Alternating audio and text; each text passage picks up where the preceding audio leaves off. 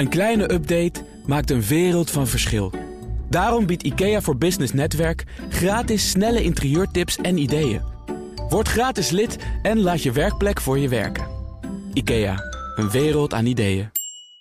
Ondernemerspanel. De cao-lonen zijn afgelopen jaar flink gestegen... en toch is er sprake van een koopkrachtklap. En is het einde van de regionale supermarktketens nabij. Dat en meer bespreek ik in het ondernemerspanel... en daarin zitten Niels van Buren van Swink... en Geert-Jan van der Snoek van Brains Network. Fijn dat jullie er zijn. Yes. Met allereerst natuurlijk aandacht voor jullie eigen nieuws. Geert-Jan, waar wil je mee aftrappen? Ik wilde beginnen met, uh, met het goede nieuws dat uh, cybersecurity toch niet gestopt is. En uh, dat is jammer. En vlak voor, voor kerst is weer een grote ransom-aanval geweest op een onderwijsinstelling. En het gaat vrolijk verder. Deze week is er alweer een nieuwe bijgekomen. En ik Nova College in Haarlem was dat, meen ik, hè? De Nova College in Haarlem is dat geweest. En de, eigenlijk in de maand daarvoor, als je de, de hele maand december kijkt... is het een aaneensluiting van zorg- en onderwijsinstellingen die worden gehackt. Uh, maar met name die ransom-aanvallen, dat zijn natuurlijk de zware aanvallen. Uh, die uh, een instelling helemaal, helemaal stilzetten.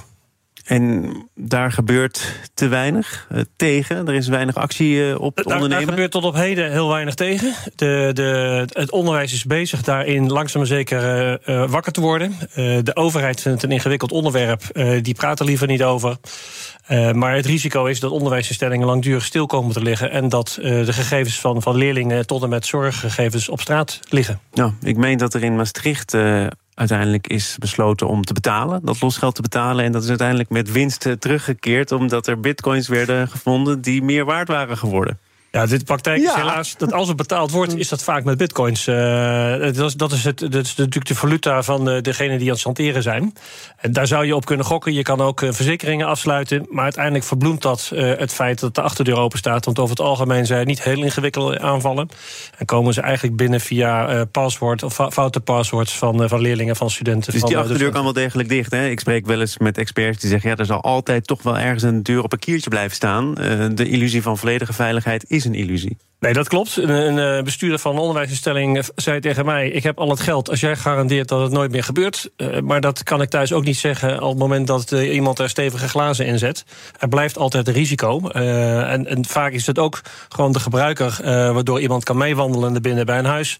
of kan meewandelen in een IT-systeem. We gaan, Niels, naar jouw eigen nieuws. Dat heeft te maken met uh, onverkwikkelijke zaken bij de Primark, meen ik. Ja, en uh, ik wil eigenlijk eerst een vraag aan jou stellen, Thomas. Uh, wat voor emoticons gebruik je als je met je collega's hebt? Geen enkele, maar of het nou collega's zijn of niet, ik heb een pesthekel aan. Oké, okay, nou, dan ben jij de verkeerde om het te vragen. Nee, ik, ik las dus. Excuus. ja. artikel appen van hartjes, geen reden voor ontslag. Nou, dat verdient even wat toelichting. Maar er was dus een manager van een Primark-vestiging. En die werd op een gegeven moment een uh, paar jaar, paar jaar notabene na dato... door een medewerker aangeklaagd voor grensoverschrijdend gedrag. Volgens mij zou dat het uh, nieuwe Dick van Dalen woord moeten zijn voor dit jaar. In ieder geval voor vorig jaar, ik heb het niet gevolgd. Maar omdat hij dus uh, hartjes had gestuurd op een reactie op een foto... en hij, zij vond dat ongepast. En uiteindelijk... Nou, die foto daarin staat zij volgens mij afgebeeld in een...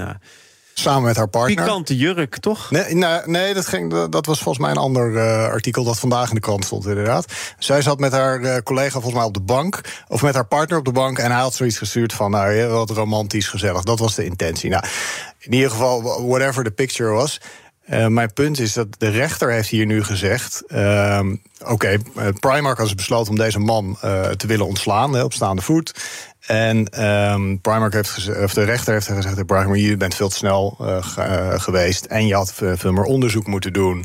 En ik zie het helemaal niet zo zwaar. In andere woorden, geen schadevergoeding, bla bla bla. Nou, um, ik sprak mijn broer. Mijn broer is arbeidsrechtadvocaat. En die vertelt het afgelopen jaar heeft hij een schrikbarend aantal van dit soort zaken allemaal. Um, en hij zegt, sommige, dat, daar, daar gaat het echt om grensoverschrijdend gedrag. Um, waarbij inderdaad mensen hard aangepakt moeten worden, schadevergoeding, noem maar op.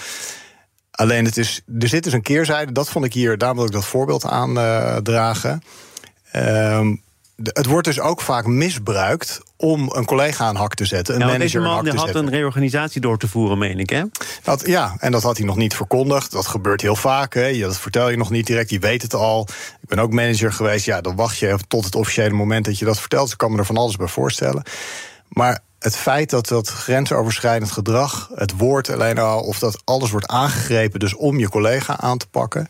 En daarom ben ik blij dat een rechter nu dus ook daardoorheen prikt en zegt: Oké, weet je, misschien had anders kunnen handelen, maar dit is niet een reden om grensoverschrijdend gedrag uh, uh, Geert-Jan, wordt er te makkelijk gegrepen naar die term grensoverschrijdend gedrag en stopt daar dan de discussie, want dat moet onder geen beding kunnen? Het is een containerbegrip aan het worden. Dat begint, ik denk dat niemand weet, niemand kan definiëren wat nou grensoverschrijdend gedrag is. Uh, het zij in de maatschappij, het zij op, op, de, op de vloer, het kantoor. Ik denk dat uh, wat, je, wat je ook ziet, is dat het iedereen bang maakt. Op de, dus de, de, iedereen die op een of andere manier in een leidinggevende positie zit, en dat zitten er heel veel op allerlei niveaus maakt ook angstig, want je weet niet wanneer het kan gaan gebeuren. En het kan gebeuren uh, om hele andere redenen, wat net ook te kwam bij een reorganisatie of iets dergelijks. Dus het, uh, je krijgt eigenlijk een soort van stil. Dat iedereen stil gaat staan en gaat kijken, ja, doe ik het niet verkeerd? Dus het, het gaat te ver. Uh, laat onverlet dat daar waar het te ver gaat moeten worden ingegrepen. Maar dat is niks nieuws. En we doen alsof dat nieuw is. Dat, dat is al jaren zo. En dat is gewoon normaal. Maar dat is het punt ook. Hè? En wat jij aangeeft, is vandaag stond er weer een artikel. Hè? En, en daar ja, ging ik dacht het dat ik op de hoogte was, maar het is een shitstorm nee, bij precies. de Primark. Ja, nee, niet over de Primark. Dat ging dus over een andere, andere situatie. En daar was het dus echt grensoverschrijdend gedrag. En daar wordt dus wel uh, ook door de rechter ingegrepen. Maar mijn punt is meer van. We moeten ook zorgvuldig blijven. En niet dat bij elk woord, als er maar gedacht wordt dat dan de werkgever denkt: oh, die vent of vrouw, die moet ik dan maar ontslaan, want dat zal wel niet goed zitten. Eerst onderzoek, hoor en wederhoor. En niet er zomaar van uitgaan dat een man of vrouw aangeeft van hier schijnt zo waarschijnlijk dat het wel zo is. En dat je dan als werkgever maar als beste kan denken van nou, weg met die. We gaan naar andere hoofdbrekens voor werkgevers. Want de cao-lonen zijn het afgelopen jaar behoorlijk gestegen. Maar die stijging valt in het niet bij de nog altijd historisch hoge inflatie. Vandaag weer nieuwe cijfers. Bonden willen de koopkracht herstellen. Maar de sfeer aan de cao-tafels wordt steeds harder, grimmiger. Niet altijd constructiever. Eh, Niels, jij hebt in ieder geval eh, goed nieuws kunnen melden aan jouw eigen werknemers. Hoeveel hebben die erbij gekregen? Uh, eh, 6 procent, dat heb ik gisteren verteld. Uh, plus een mogelijk nog een individuele verhoging... afhankelijk van hoe iedereen zich ontwikkeld heeft. Dus dat kan eh, oplopen tot 8% Gejuich, confetti, champagne of toch nog niet voldoende? nou, dat laatste heb, heb, ik niet gehoord... maar uh, volgens mij was iedereen er tevreden mee. Ehm maar ja, eh, weet je, we leven in rare tijden. Uh, en een verhoging was, eh, was nodig, dus dat hebben we doorgevoerd. Geert-Jan, wat denk jij? Hè? 6% dat klinkt natuurlijk als uh, heel redelijk, heel behoorlijk. Het is ook aanzienlijk hoger dan wat er gemiddeld vorig jaar is afgesproken. 3,2 procent. Er zat een sprintje in het laatste kwartaal. Maar de inflatie is nog altijd weer veel hoger dan die 6% Hoe hiermee om te gaan? Ik denk dat je moet beginnen bij een werknemer. Een werknemer moet beoordelen van wat hij doet, wat hij levert, wat zijn bijdrage aan het proces is. Uh, ik denk dat het, het vertrekpunt is. En niet het vertrekpunt is uh, de energie is duurder of de benzine is duurder. En dan komt er een bedrag. Koopkracht denk, mag toch best een vertrekpunt zijn? Ik, ik, denk dat uiteindelijk uh, de dienst die je levert het vertrekpunt is. En uh, daar, daar staat uiteindelijk, daar zitten verschillende elementen bij. wat, wat de opbouw doet en de kosten die je moet maken om daar te komen. En ik denk aan de andere kant van de balans is natuurlijk wat de koopkracht is en wat iemand kwijt is en waar het duurder wordt. Dat wil niet zeggen dat het altijd financieel hoeft te worden gecompenseerd. En ik vind juist op dit moment een mooi voorbeeld dat energie is een belangrijk element waardoor de koopkracht duurder wordt. En dan kun je als werkgever ook op andere manieren mee omgaan. Je kan ook met, samen met de eh, werknemers een, eh, een, coöperatief, een coöperatieve variant in Nederland. Eni heeft zo'n zo'n variant in, in Groningen.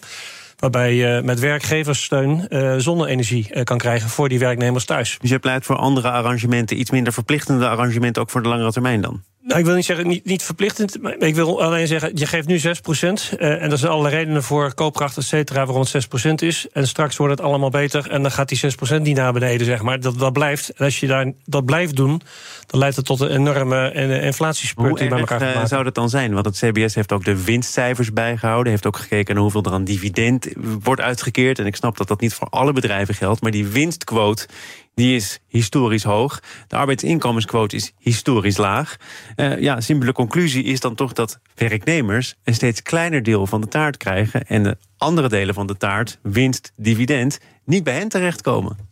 Ja, ik denk dat het dat, dat klopt. De, de, de cijfers zeggen het. Uh, aan de andere kant, er is een groot verschil in Nederland tussen, tussen in, in, wat voor type bedrijven. En als je kijkt naar het MKB, is denk ik de situatie echt anders. Uh, Jacob Vonhoff heeft dat ook uh, een paar keer dit jaar al, uh, al aangegeven. Ik denk dat in het MKB heel veel ondernemers juist andersom met grote problemen zitten. dividend is er al jaren niet uitgekeerd. Corona heeft een tik gegeven. Ze moeten nu de belastingaflossingen doen. En ze moeten weer investeren. Dus ik denk dat daar het tegenovergestelde is. Want aan de ene kant zeggen we het is historisch hoog, et cetera. En de volgende pagina van de krant staat dat het aantal faillissementen gaat toenemen.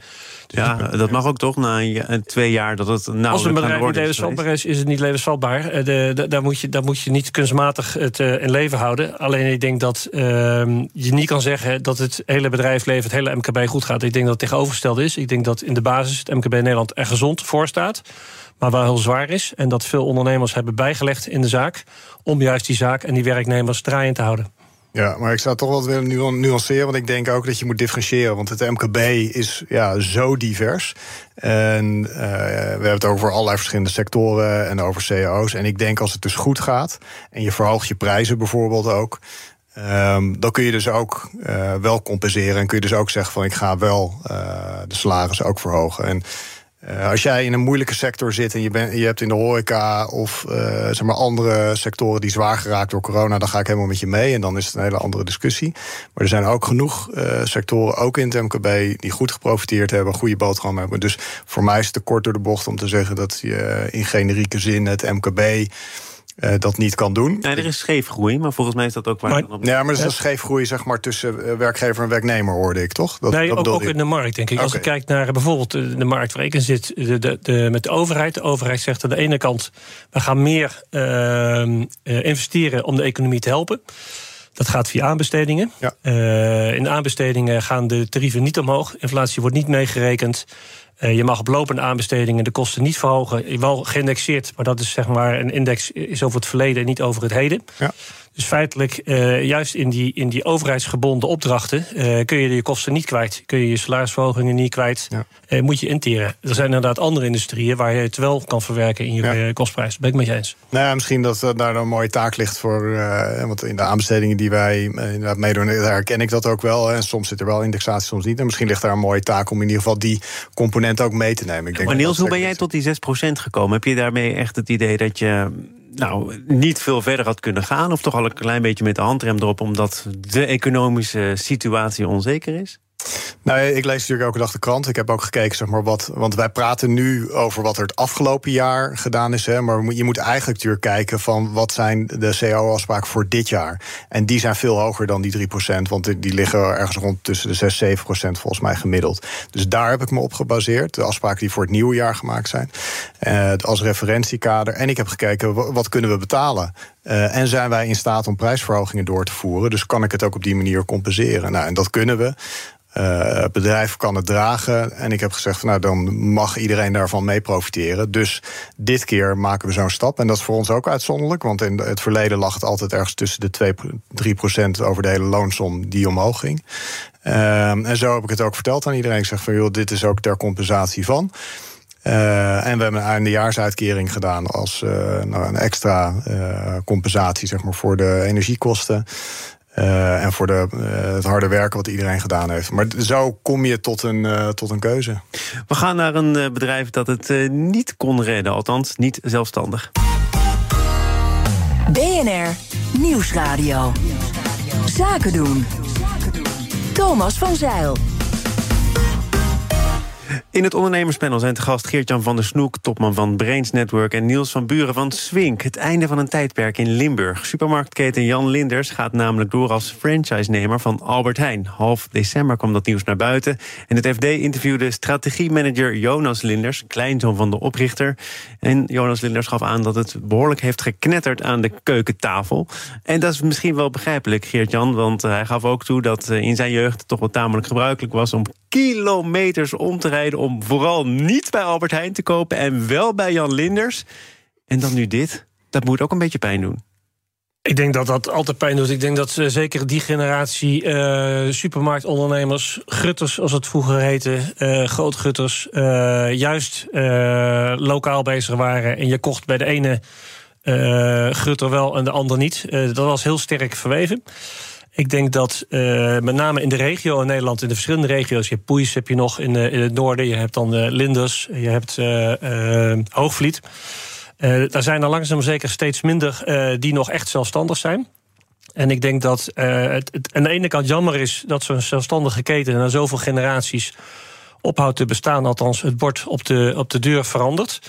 Um, ik denk dat het mooi is de, en nieuw is dat je op deze manier bij een grotere uh, supermarktketen, in dit geval Albert Heijn, in de franchise-formule weer kan meedraaien. En dus je, je winkels open kan houden, misschien zelfs kan uitbreiden, wat hier het geval is in, in Limburg. ik denk dat het belangrijkste is, is dat we er met elkaar en maatschappij voor moeten blijven zorgen dat er supermarkten blijven en open blijven in de regio. Hoe moeten we daar met elkaar dan voor zorgen? Eh, Kijk, want eh, even wat, wat Jonas Linders zelf zei. Ik heb bij investeringsmaatschappijen gewerkt. Ik heb toch uh, toen eens goed geleerd om te kijken naar balansen, naar cijfers. En mijn conclusie is: ja, het zag er allemaal niet zo geweldig uit. En wij moeten dan het maximale van ons kunnen investeren om bij te blijven. En dan blijven we bij. Nou, nog niet eens. De ervaring van de consument wordt iedere keer een beetje minder. En wij geven het maximale. Dat kun je op de lange termijn niet redden. Dus hoe, hoe kun je dat dan keren? Je hebt twee manieren. Ik ben zelf betrokken geweest bij C1000. Ik ken de supermarktbusiness op die manier. Uh, en de, dilemma's die daarvoor staan, met name in de regio, wel degelijk. Uh, ik denk dat de. Uh, waarom moet eerst terug naar, naar het eerste wat je zei? Waarom we moeten ervoor zorgen dat het open blijft? Omdat het economisch belangrijk is dat uh, enerzijds er zijn mensen die in de regio wonen, er moet onderwijs in de regio blijven, er moet werkgelegenheid blijven en er moeten dus basisvoorzieningen blijven, supermarkten. Of in ieder geval voedselvoorzieningen. En de Spar is ook zo'n mooi voorbeeld ervan, die juist wel regionaal blijven, maar die hoeven niet mee in het eh, concept dat je daar 2000, 3000 vierkante meter toe hoeft. Want dat is waar hij op doelt. En hij doelt er ook op dat je grote distributiecentra nodig hebt. In je eentje als, uh, als lenders om dat allemaal te, mogelijk te maken. Doordat je wat uh, samengaat, Albert Heijn, Jumbo en dergelijke... kun je het hele distributiestuk veel makkelijker... en de kosten veel makkelijker delen. En kun je permitteren om kleinere winkels in de regio open te houden. Ja, maar je bent dan wel onderdeel van die hele grote gele of blauwe vlek. Dat is, dat is een consequentie, maar dat is het mooie van dit concept. En daarin is dit concept relatief nieuw. Het is niet nieuw dat de franchise-nemers zitten binnen uh, een, een, uh, een Jumbo of binnen een Albert Heijn. Maar wat wel nieuw is, is dat hier een onderneming wordt overgenomen. En als totaliteit, als franchise, uh, daarbinnen doorgaat en zichzelf kan uitbreiden. En ik denk dat hij als franchise-nemer een hele grote franchise-nemer binnen Albert Heijn is. En daardoor regionaal. Uh, ook kan bepalen hoe het aanbod er precies uitziet. Wat, wat viel jou op in dat uh, interview met Jonas Linders, Niels? Nou, ik kan me zo voorstellen dat die keukentafel, dat gesprek, weet je wat hij beschreef met, uh, met zijn vader, met de familie en dat hele proces vanuit. zijn moeder als vredestichter. Precies, ja. en uh, dat proces waar je doorheen uh, moet gaan, dat weet je, dat raakte mij ook wel toen ik dat, toen ik dat las. des te dapperder eigenlijk ook de keuze die ze gemaakt hebben. En ja, waar we het net over hebben, ik denk dat het ook iets is, een tendens die niet te stoppen is. Hè, en uiteindelijk die basisvoorziening blijft. Het valt mij wel op dat in, als je het over franchise-nemers hebt, ik woon in Haarlem en er zitten ook een aantal uh, Albert Heijn franchise-nemers. Uh, en die weten toch wel lokaal aanbod te, aan te bieden. Dus er zit wel op die manier differentiatie tussen. Ik had het idee dat Jonas Linders al met enige weemoed keek naar zijn bierschap. Ja, precies, ja. ja, maar kunnen we dat wel handhaven als franchise-nemer? In Haarlem hebben we Jopenbier hè, uh, uit Haarlem. Nou, doe maar net alsof het een begrip is, maar het is wel een beetje zo. Precies, toch? Ja. Nou, en de schappen liggen vol bij uh, Albert Heijn Vos, want zo heet dan de, de franchise-nemer. Dus ja, ik denk dat het wel kan. En natuurlijk zit er een hoop sentimental mee. Maar uiteindelijk, als je het over de regio hebt, want volgens mij is dat het onderliggende verhaal, is dat er behoefte is aan uh, die basisvoorziening. Nou, die blijft op deze manier natuurlijk gewaarborgd. Ik zag van de week op het nieuws trouwens dat heel veel mensen vanuit de Randstad verhuizen naar de regio. En alleen de kanttekening erbij is dat het dus vroeg verkocht. Precies. Er lag een enorme kans voor Jan Linders. Nee, maar dat, dat, het, het verhaal daarachter was dat heel veel. Uh, dat het vooral ouderen zijn. En die voegen dan op dat moment niet zo heel veel toe aan die nieuwe maatschappij creëren daar. Omdat ze vooral uh, jonge gezinnen willen hebben. Vaders die de voetbalvereniging ondersteunen en daar uh, coach zijn of in het bestuur komen of in het schoolbestuur. Dus ik snap wel die uitdaging om lokale gemeenschappen uh, te creëren daar. Tot slot, nog een uitdaging die uitgelopen is op een SOF, namelijk een sympathiek alternatief voor de reguliere huizenbeleggers, Proppert Homes. Vorige maand vroeg het bedrijf al uitstel van betaling aan. Deze week werd het failliet verklaard. Daarover schrijft het FD. Uh, opgericht door een tamelijk jonge ondernemer van 22. Uh, het idee was dat zij um, ja, huizen opkocht, ook in steden waar een uh, een opkoopregeling van kracht is, waar je dus niet meer zomaar huizen mag opkopen. En dat je daar eh, voor een relatief bescheiden huur en op de lange termijn ook voor een relatief bescheiden som een huis kon En nu is gebleken dat er onduidelijkheid is over de vrijstelling van die opkoopregeling. En bovendien was er al een tijd dat zij geen huizen meer kon afnemen, terwijl ze wel had gezegd dat ze die huizen zou gaan kopen. Geert-Jan, wat is daar allemaal misgegaan? Ik denk dat allereerst dat het altijd goed is als jonge ondernemers dit soort initiatieven uh, oppakken. Uh, en dat er financiers zijn te vinden die dit willen betalen. Tegelijkertijd, dat is een start-up. Dat betekent dat de ondernemer moet zorgen, hoe jong die ook is, dat er een goed businessplan is en dat er een normale financiering is die die langdurig kan dragen en dat er langdurig geld bij blijft komen. Flinke lening in dit geval, hè? 7 tot 10 procent. Uh, de lening die ze hier hebben georganiseerd uh, is, is een, al een bijzonder construct. Daar begint het eigenlijk al, daar kan, daar kan het mee, maar dat kan je in de lange termijn niet redden. Aan de andere kant, degenen die erin stappen zijn wellicht ook licht opportunistisch. Die zullen ergens ook winst maken. Enerzijds uit de rente, maar ook blijkbaar was het beter vastgoed aan haar te verkopen dan aan een andere partij. Dus ik denk dat uh, hier twee partijen, uh, de markt en anderzijds degene die het aangeboden heeft, uh, ja, met iets nieuws gestart zijn wat niet gelukt is, helaas. Is het zo simpel? Want over en weer wordt er nu gezegd dat men elkaar heeft belazerd, besodemieterd. Ik denk, dat, dat, dat kun je niet zien op de buitenkant. Ik denk dat, dat waar zoiets gebeurt, zullen altijd partijen teleurgesteld zijn en, en, en een robotje vechten met elkaar. Ik denk dat in de basis, zoals ik het lees.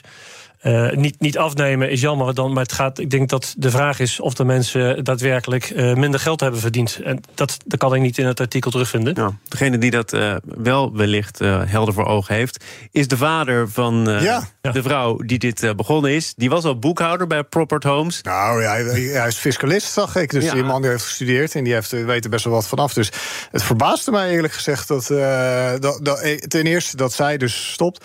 Haar vader nu dus interim bestuurder is. En die klaagt nu steen en been, zeg maar, over, over de constructie. Dus ja, ik, ik moet zeggen, ik las een paar, eh, volgens mij een week of langer geleden. Ik vraag, is het trouwens Propert of Property? Maar dat even terzijde. Maar uh, Volgens mij is het Propert, maar misschien gaat het ja, nou het, het leek me zo'n hele interessante nieuwe eh, naamgeving met een theetje en zo. Maar goed.